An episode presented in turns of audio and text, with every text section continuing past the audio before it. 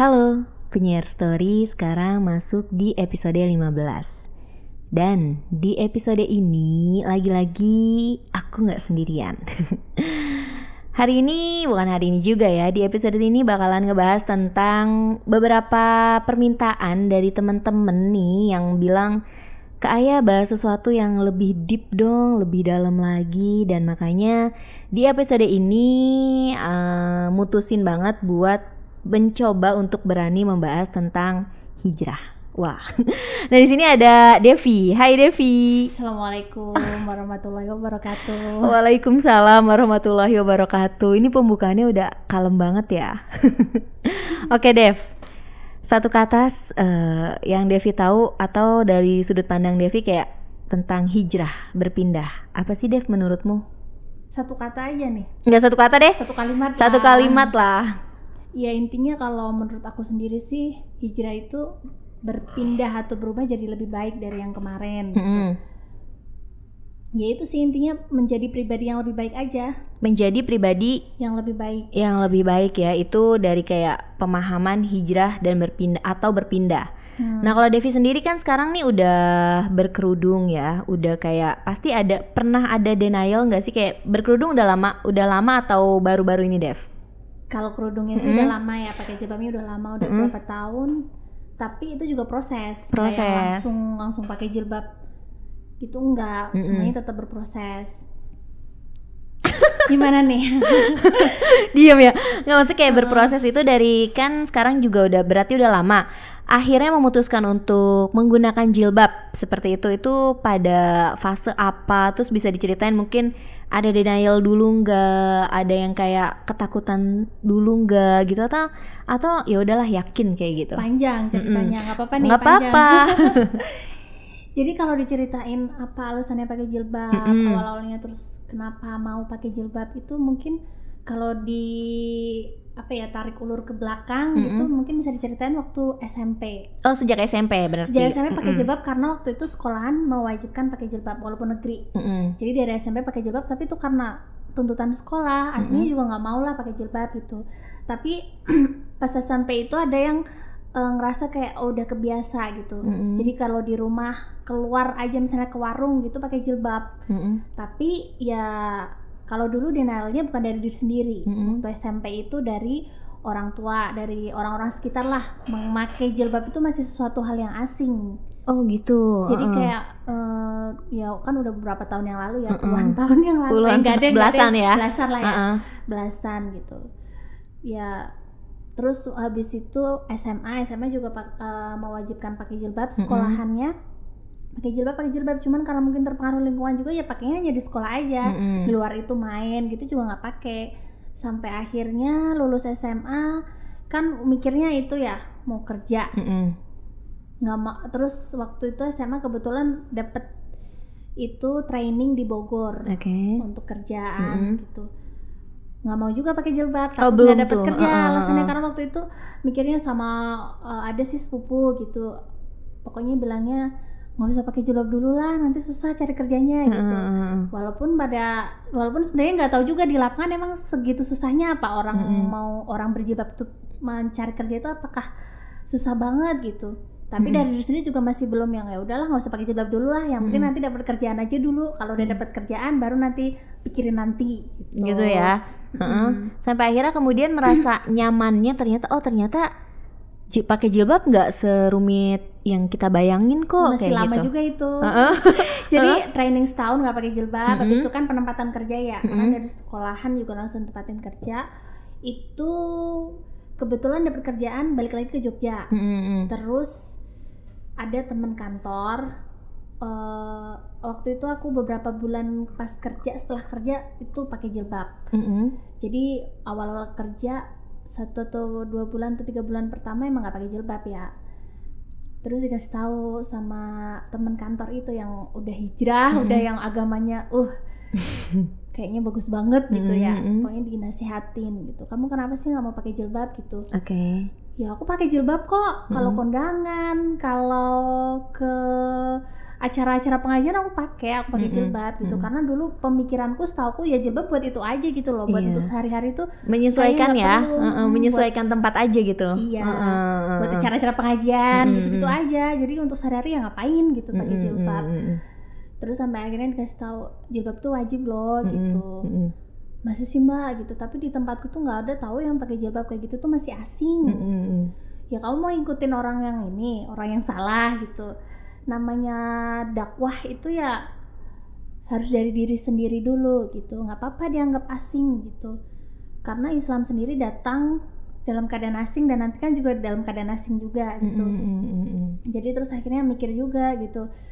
Aduh pakai jilbab nggak ya? Ya udah akhirnya setelah proses berpikir gitu Mm-mm. kayak pakai jilbab gitu wah waktu pertama kali pakai jilbab ke kantor tuh deg-degannya gitu Mm-mm. nanti gimana ya omongan orang ya aku Hmm. diledekin kayak gimana ya pokoknya mau masuk kantor aja sampai ke temen-temen tuh bilang beneran gak ya aku mau kantor ini pakai Hmm. jilbab gitu udah nggak apa-apa pakai aja pakai gitu ya alhamdulillahnya nggak ada cuman bos sih kaget ah kayak orang-orang pastilah wajar shock Iya, perubahan pasti emang pasti mengejutkan. Mm-mm. Tapi akhirnya diteri- menerima gitu ke lingkungan di kantor tuh. menerima Mm-mm. akhirnya bilangnya bagus kok pakai jilbab gitu Oh. intinya Akhirnya ketakutan itu menjadi hal yang ketakutan nggak Uh-uh. dapat kerja itu udah nggak ada lagi udah nggak ada lagi ya. Mm-mm. Apalagi kalau kita lihat di zaman sekarang kayaknya jilbab itu udah sangat diterima sih. Mm-mm. Heeh, kalau misalnya kita harus melihat perubahan kedinamisan dunia ini, mungkin kalau zaman-zaman dulu gitu anak-anak generasi 90-an ke belakang lah, Mm-mm. 80-an generasi 90-an tuh masih, Masih ada jarang. Heeh, masih ada ketakutan tentang oh kalau misalnya masuk satu perusahaan ini diwajibkan untuk tidak menggunakan penutup kepala atau jilbab ya kan? Itu menjadi kesulitan. Tapi kalau semakin kita tarik semakin kita ke sini kayaknya Islam itu sudah sangat mendominan ya Iya. di negara ini di Indonesia. Terlebih kayak orang yang pakai jilbab ya nggak masalah. Beber- beberapa perusahaan yang tadinya melarang pada akhirnya kayak membolehkan Iya, Ya, orang-orang gitu. pakai jilbab udah kayak istilahnya udah bebas tampil, Mm-mm. masih tetap bisa berkarya, Mm-mm. bersosialisasi. Jadi bukan batasan sebenarnya. Nah, kalau misalnya menurut Devi juga nih, tadi kan bilang kalau eh, jilbab ini tidak lagi menjadi batasan. Nah, memangnya sebatas kayak batasan apa sih yang kayak kita tuh pakai jilbab nih? Ini mungkin kegalauan ayah juga ya kan? Mm. Kegalauan mungkin teman-teman juga di mana yang kayak ketika kita pada akhirnya telah memutuskan memakai jilbab, apalagi jilbab yang memang syar'i, Mm-mm. yang sesuai dengan yang diperintahkan, itu ada kayak aduh takut nih ngelakuin ini. Jadi kepikirannya apa-apa syubhat, sub, subhat ya bener ya? Eh, jadi takut ini ini nggak boleh, ini nggak boleh karena yang yang ayah pribadi rasain pun kayak semakin pakai jilbab terus semakin kayak eh, meyakini dan mendalami Islam ternyata banyak hal-hal yang ada keterbatasan gitu kayak ini nggak boleh ngelakuin ini nggak boleh kayak gitu Dev. Iya, iya emang apa ya? Dengan memakai jilbab itu kayak justru secara nggak langsung itu dalam diri kita itu kayak eh, tahu batasan. Jadi kayak ya Islam memang membatasi beberapa hal ya. Ada aturan-aturan lah. Kita Mm-mm. hidup di Indonesia aja ada undang-undang. Iya. Termasuk Islam kan juga ada aturan gitu. Mm-mm. Tapi aturan-aturan yang dibuat agama Islam kan ya untuk kebaikan kita juga, Mm-mm. kebaikan sebagai umatnya. Justru ketika pakai jilbab ya jadi tahu batasan diri sendiri. Jadi mungkin yang tadinya pacaran Iya. jadi nggak pacaran. Iya, nah ini bener banget ya. Ini salah satu hal yang karena itu ayah alamin banget, eh, aku alamin banget waktu fase untuk berpindah itu. Jadi sekitar tahun 2010 itu masih sempat pacaran terakhir kali dan itu yang kayak mulai proses untuk pakai jilbab. Hmm. Nah, itu ngerasain bahwa kayak oh kalau kayaknya kalau misalnya pacaran kan satu hal yang negatif. Terus kayak akhirnya mau mempelajari Islam hal yang positif. Oh ternyata kebaikan sama keburukan nggak bisa disatuin. Iya. Jadi bagaimanapun harus memilih. Nah kalau menurut Devi sendiri kayak berarti eh, is kebaikan. Terus kayak ketika kita udah hijrah, kita bener-bener terhalang dong untuk kayak balik lagi ngelakuin hal. Karena kan biasanya Dev yang negatif itu bikin seneng ya. Maksudnya hal-hal yang gampang ya Iya bener Gimana sih Dev kayak mungkin ada tips mungkin atau mungkin kayak ada cerita juga ya sama dulu juga pernah kok denial banget sampai akhirnya pengen pengen balik lagi ke hal-hal yang menyenangkan tapi yang nggak bisa gitu Dev. Enggak sih kalau aku ini ada cerita juga ya. Mm-mm. Jadi waktu awal-awal pakai jilbab mungkin masih hanya sekedar ke kantor aja, masih hanya Mm-mm. sekedar kantor di rumah. Mm-mm. Ada lelaki yang bukan muhrim datang ke rumah bertamu ya biasa aja gitu nggak pakai jilbab. nggak pakai jilbab Mm. mm -mm. Sampai akhirnya itu kayak tahun berapa ya? Dua akhir 2013 mau ke tahun 2014. Mm-mm. Dulu pakai jilbabnya juga masih yang ketat-ketat, masih yang ya pakaian yang pakai jilbab tapi mm, telanjang gitu ya Mm-mm. istilahnya ya tetap menerap yang ketat tipis sampai akhirnya itu kayak muncul gitu ada satu pertanyaan kayak orang mungkin akan ada pada fase big questions gitu dalam Mm-mm. hidupnya jadi pas ada fase itu tuh kayak titik baliknya apa sih ya yang aku cari dalam hidupku ini gitu Mm-mm. tujuan hidupku itu tuh buat apa gitu kayak itu Mm. pertanyaan-pertanyaan besar yang kayak setiap hari itu kayak menghantui gitu ngapain aku hidup di dunia ini tuh buat apa sebenarnya apa yang aku cari gitu sampai akhirnya pernah yang ngerasain itu benar-benar ketakutan mati yang Mm-mm. kalau keinget tuh ya Allah mau Hmm. tidur bangun tidur aja kayak nanti kalau malaikat Israel di belakangku gimana Hmm, gitu oke. ketakutan mati yang sangat sampai akhirnya gelisah Mm-mm. Nah, ketakutan-ketakutan itu akhirnya bikin rasa gelisah Mm-mm. sampai akhirnya dari pertanyaan itu kan kemudian aku datang ke salah satu guru tahsin waktu itu Mm-mm. guru yang ngajarin tajwid itu ngobrol gitu aduh kenapa ya teh manggilnya aku teteh waktu itu kenapa kok gelisah gitu kayak takut mati gitu kayak Hmm. rasanya malaikat Israel tuh kayak deket banget gitu kayak ya Allah mau tidur mau bangun tidur aja tuh rasanya takut banget besok aku masih hidup apa enggak gitu ya itu namanya hidayah katanya. Mm. jadi tujuan hidup kita itu ya emang pada akhirnya semua orang akan mati Mm-mm. tujuan hidup kita ya mati tapi mati seperti apa yang kita inginkan kualitas mati seperti apa apakah husnul khotimah atau sul khotimah nah itu tujuan kita gitu Mm-mm. sampai akhirnya nanti ya pembahasannya ke akhirat ujungnya jadi waktu itu terus ya udah langsung ada keinginan kayak keinginan untuk belajar Islam itu lebih banyak lebih besar gitu Mm-mm. jadi karena ya faktor takut mati itu makanya bener kan ada pernah dengar juga orang yang cerdas itu dan orang yang beruntung itu adalah orang yang mengingat kematian yang mengingat kematian Hmm, jadi karena itu Ih merinding ay. Karena memang bener ya. Karena gini loh, kayak misalnya ayah sendiri butuh denial banyak ba eh, lama banget gitu. Karena kan banyak ya orang yang udah terlahir Islam, maksudnya terlahir dalam keluarga yang Islam, lalu langsung menggunakan hijab, lalu hidup di lingkungan-lingkungan yang memang Islami, Islami gitu kan ya Dev. Sedangkan mungkin Ayah ataupun Devi gitu kita adalah orang yang di lingkungan yang umum, general ya kan. Apalagi ketika misalnya eh, kayak harus traveling, kita kan suka traveling juga Ya, nih. kita kan ketemu juga traveling Iya. karena traveling Bener-bener. Itu yang kayak apa ya untuk me- untuk kayak menanggapi stigma dari orang-orang yang kayak naik gunung, ya ampun kayak kesan-kesan anak anak gunung tuh kayak ngumpulnya sama laki-laki. Nah, ini yang kayak yang masih kayak hal yang kan kalau kita udah ngerti Islam banget gitu ya, nggak boleh nih gabung sama laki-laki, nggak boleh nih bergaul sama laki-laki. Itu hal yang sampai sekarang tuh masih yang kayak gue tuh harus kayak gimana sih gitu. Apalagi kalau misalnya statusnya tuh kan belum menikah seperti itu. Nah mungkin Devi gimana nih Dev? Menanggapi mungkin pernah juga ada di posisi seperti ini. Gimana ya? Hmm, karena Islam sendiri pun golongannya banyak ya. Mm-mm. ya kan? Ayat tahu Mm-mm. sendiri kan gitu. Ah, mungkin ada satu hal yang hukum tertentu yang ini membolehkan yang Iya. lain haram Oke, gitu. oke. kadang bikin bingung sendiri juga. Cuman kalau aku sih mikirnya apa ya balik lagi ke balik lagi ke, Ke ya hati intinya gitu dan- tujuan hati sama tujuan apa ya pedoman kita kan Al-Quran dan Uh-uh. Sunnah aja Benar, ya. benar, Udah, benar. ikutin itu aja gitu. Bener kalau untuk menghindari yang sobat-sobat kadang masih susah juga Iya, ya masih uh-uh. yang ya gimana gitu.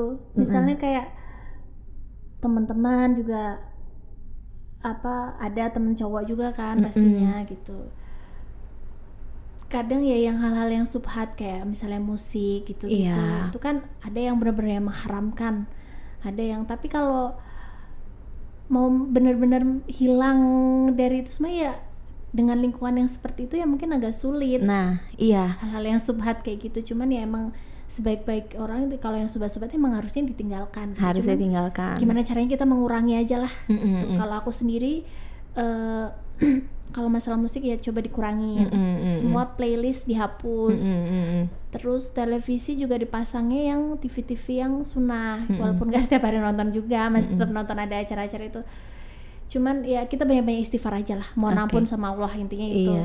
Jadi balik lagi tetap ya. ke hati dan balik ke pedoman. Ke pedoman kita itu kalau untuk orang Islam Al-Qur'an dan hadis. Hmm. Jadi kayak ya ayah juga pernah aku juga pernah dengar nih Dev kayak ya udah kamu nggak usah ngatur apa yang udah diatur sama Allah kayak gitu. Nggak usah bilang bilang atau mencari seribu alasan harusnya kayak gini oh begini begini. Enggak ketika Al-Quran udah bilang ini ya udah nggak bisa ditawar lagi. Jadi kayak gitu. Jadi pengen nurut aja sama Allah gitu. Nah nah kalau ngomongin lagi kita balik lagi ke perihal jilbab dan membatasi gitu. Hmm. kan banyak juga yang kayak ngerasa nanti aja lah kalau pakai jilbabnya kalau udah ngerasa jadi bener gitu karena kan kadang malu gitu pakai jilbab tapi kelakuan masih ya, masih biasa masih minus oh. gitu atau kayak nanti dulu deh malu sama jilbab soalnya kayaknya belum siap gitu nah menurut menurutmu gimana nih Devni? Ingat mati aja udah. ingat mati aja kalau udah ingat mati kan kita kita nggak tahu umur sampai kapan ya. Mm -hmm nanti kalau misalnya ingat mati itu kayak kita udah takut sendiri mau melakukan dosa mau melakukan keburukan tuh ya Allah kalau misalnya aku nanti meninggal dalam keadaan aku melakukan hal yang buruk gitu kan jadi mikir mm -hmm.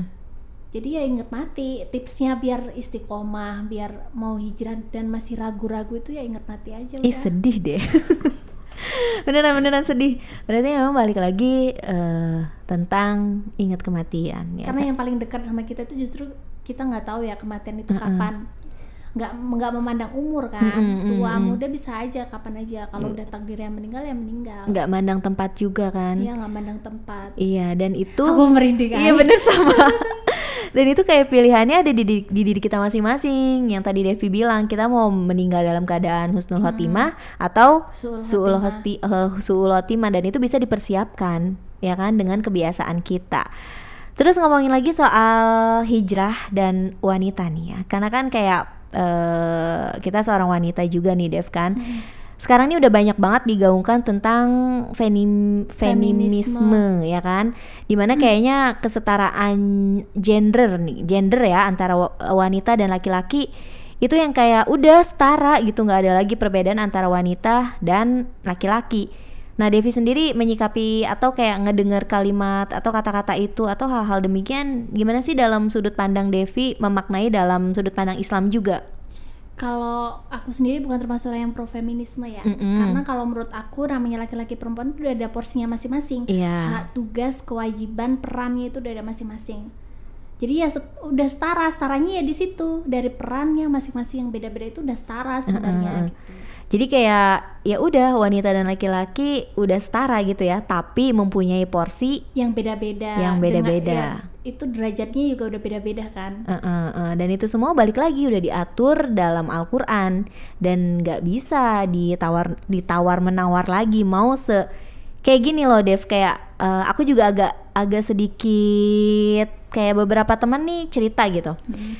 Ai uh, eh, gue lulusan S2 nih kayak gitu terus kayak sekarang kok kayak suami gue tuh minder banget sama gue kayak gitu padahal padahal temen ayah ini teman aku ini kayak dia udah nurunin senurun nurunnya kodratnya dia maksudnya sebagai seorang wanita tapi tetap aja suaminya tuh ngerasa ngerasa rendah kayak gitu. Nah, ngerasa rendah karena pendidikannya lebih rendah. Gitu. Iya, pendidikannya lebih rendah dan pekerjaannya pun lebih jauh bagusan istrinya. Sampai akhirnya kayak istri temanku ini kayak apa haruskah gue berhenti kerja kayak gitu. Tapi suaminya tetap membolehkan dia kerja.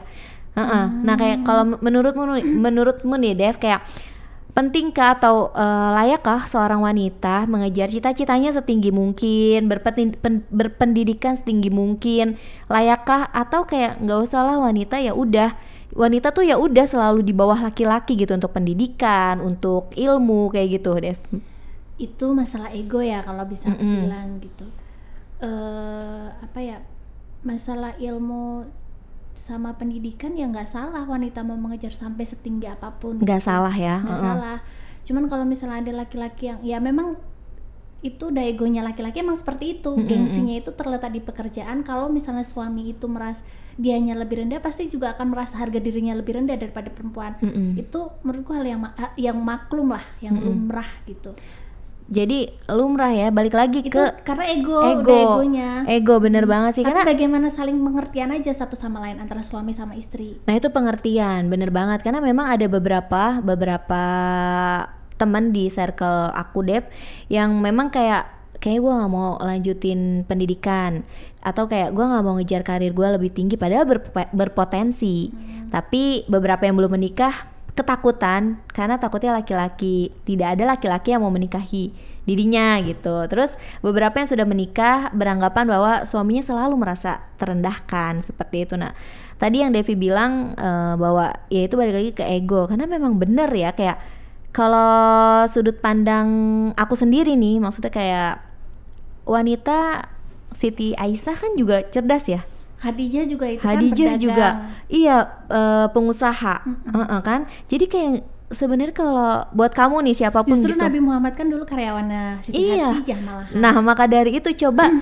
menurut aku gitu ya coba uh, buat siapa pun kamu misalnya yang dengar dan ada di situasi seperti ini kamu wanita yang lagi denial banget mau lanjut pendidikan atau kayak membatasi uh, karir kamu ilmu kamu menurut aku jangan. Lebih baik kayak ya udah lakukan semua yang kamu bisa yang penting itu ada di garis yang baik gitu. Terus kejar mimpi kejar cita-cita lakukan yang terbaik. Urusan nanti laki-laki yang apa seperti apa pun buat kamu pasti bakal dipertemukan yang pantas ya Dev. Iya. Yang pantas. Dan balik lagi kayak misalnya ya balik ke ego yang namanya kalau emang laki-laki itu beragama dan dia memahami kayak kisah-kisahnya Rasulullah atau mungkin mengikuti meneladani uh, perjalanan Rasulullah pasti dia akan paham dan biasanya wanita yang beriman, wanita berpendidikan tinggi, wanita yang berwawasan pasti tetap balik ke agama.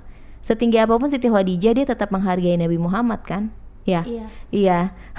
Karena gini, kadang yang dikhawatirkan suami atau laki-laki gitu, ketika perempuan itu kerjanya lebih bagus, gajinya lebih bagus, mereka takutnya nggak akan nggak akan bisa menghargai suami. Gitu. Mm, mm, mm, Ketakutan laki-laki kan juga itu ya wajar juga gitu. Nanti takutnya padahal kan seharusnya kita sebagai istri gitu. Mm -hmm. itu kan yang harus nurut sama suami itu kodratnya ya kodratnya seperti uh -uh. itu tapi kalau aku tapi aku meyakini Dev wanita yang pinter cerdas dan berwawasan tapi beragama setinggi apa pun ilmunya, setinggi apa pun pendidikannya, dia akan tetap taat sama suaminya. Iya benar. Iya. Karena dia udah punya pedoman acuan ya agama gitu. Iya. Agama yang nomor satu istilahnya. Nah itu dia. Jadi kalau misalnya emang kamu laki-laki ataupun kamu laki-laki dan ketakutan untuk mencari istri yang lebih tinggi pendidikannya, kamu lihat dulu agamanya. Karena pesan Rasulullah mencari pasangan apa aja deh empat dapat harta, mm -hmm. keturunan, paras sama agama. Tapi pilihlah yang agamanya. Nah, pilihlah yang agamanya. Terus itu bahas nah, apa lagi ya? kita bahas apa lagi nih? Tentang masih ngomongin soal hijrah ya. Hmm. Kayak uh, kita balik lagi kayak misalnya hijrah kan kayak orang-orang tuh bilangnya ya gue belum dapat hidayah kayak gitu hidayah harus dijemput. Nah, mungkin ada nggak sih cara gimana caranya ngejemput hidayah? Uh, gimana juga kita tahu bahwa itu adalah hidayah?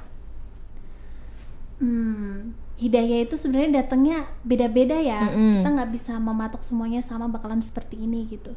Cuman kalau misalnya emang kita udah ada niat untuk mau berubah jadi yang lebih baik, ya jangan bisikan-bisikan setan ya nanti aja lah gitu. Mm -hmm. Itu udah nggak usah didengerin mm -hmm. gitu. Karena ya kita kan emang sampai hidup di dunia ini kan ya bakalan ada godaan setan terus ya istilahnya. Hmm. kan udah janji setan yang kayak gitu janji iblis gitu.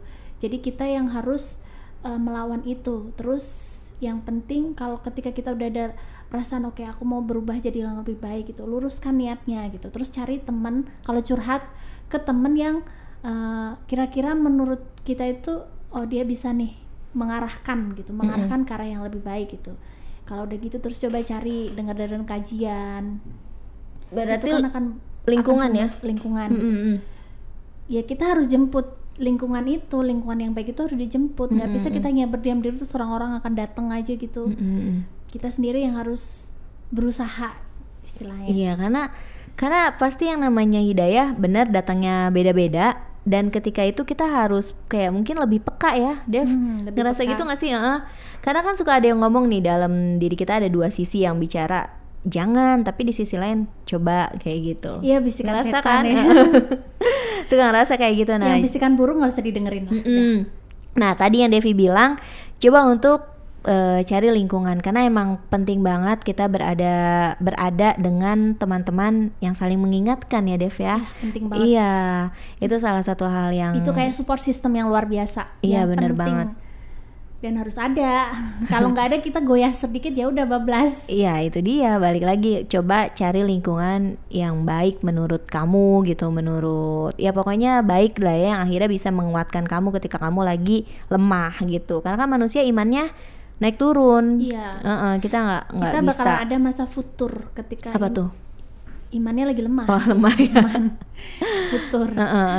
Nah jadi ketika imannya lemah, kalau kata Ustadz Hidayat ya tingkatkan uh, takwanya mm -mm. ya kan kayak cuman ada nafsu sama takwa. Ketika kita nafsunya lagi maksudnya nafsu itu hal-hal yang kita inginkan berhubungan dengan dunia dan hal yang keburukan dan itu lagi tinggi ya kita berbanyak ibadah ya banyak deh deket-deketin diri sama Allah. Dan terakhir mungkin ya kayak yang selalu Devi bilang tadi ingat kematian. Kayak kalau udah ingat kematian udah nggak ada lagi alasan untuk melakukan hal-hal yang buruk gitu ya yeah. Devi ya Nah, inget kalau mm -mm. mau lakukan hal yang buruk terus tiba-tiba mati gimana? Iya. Itu aja yang diinget. Tapi serius, uh, aku juga pernah kayak gitu loh, Dev. Kayak uh, satu kepikiran, terus kalau misalnya nanti gue lagi kayak gini, terus gue mati gimana ya? Dan itu akhirnya emang akhirnya jadi membatasi. Membatasi, kan? bener-bener hmm. banget itu membatasi ketika kita ingat kematian. Nah mungkin Dev terakhir ada hal yang ingin disampaikan nggak kayak misalnya buat teman-teman mungkin yang lagi masih galau nih gue akhirnya mau hijrah atau enggak mau pakai kerudung atau enggak mau lanjut kerja atau enggak. Pokoknya lagi orang-orang yang sedang berproses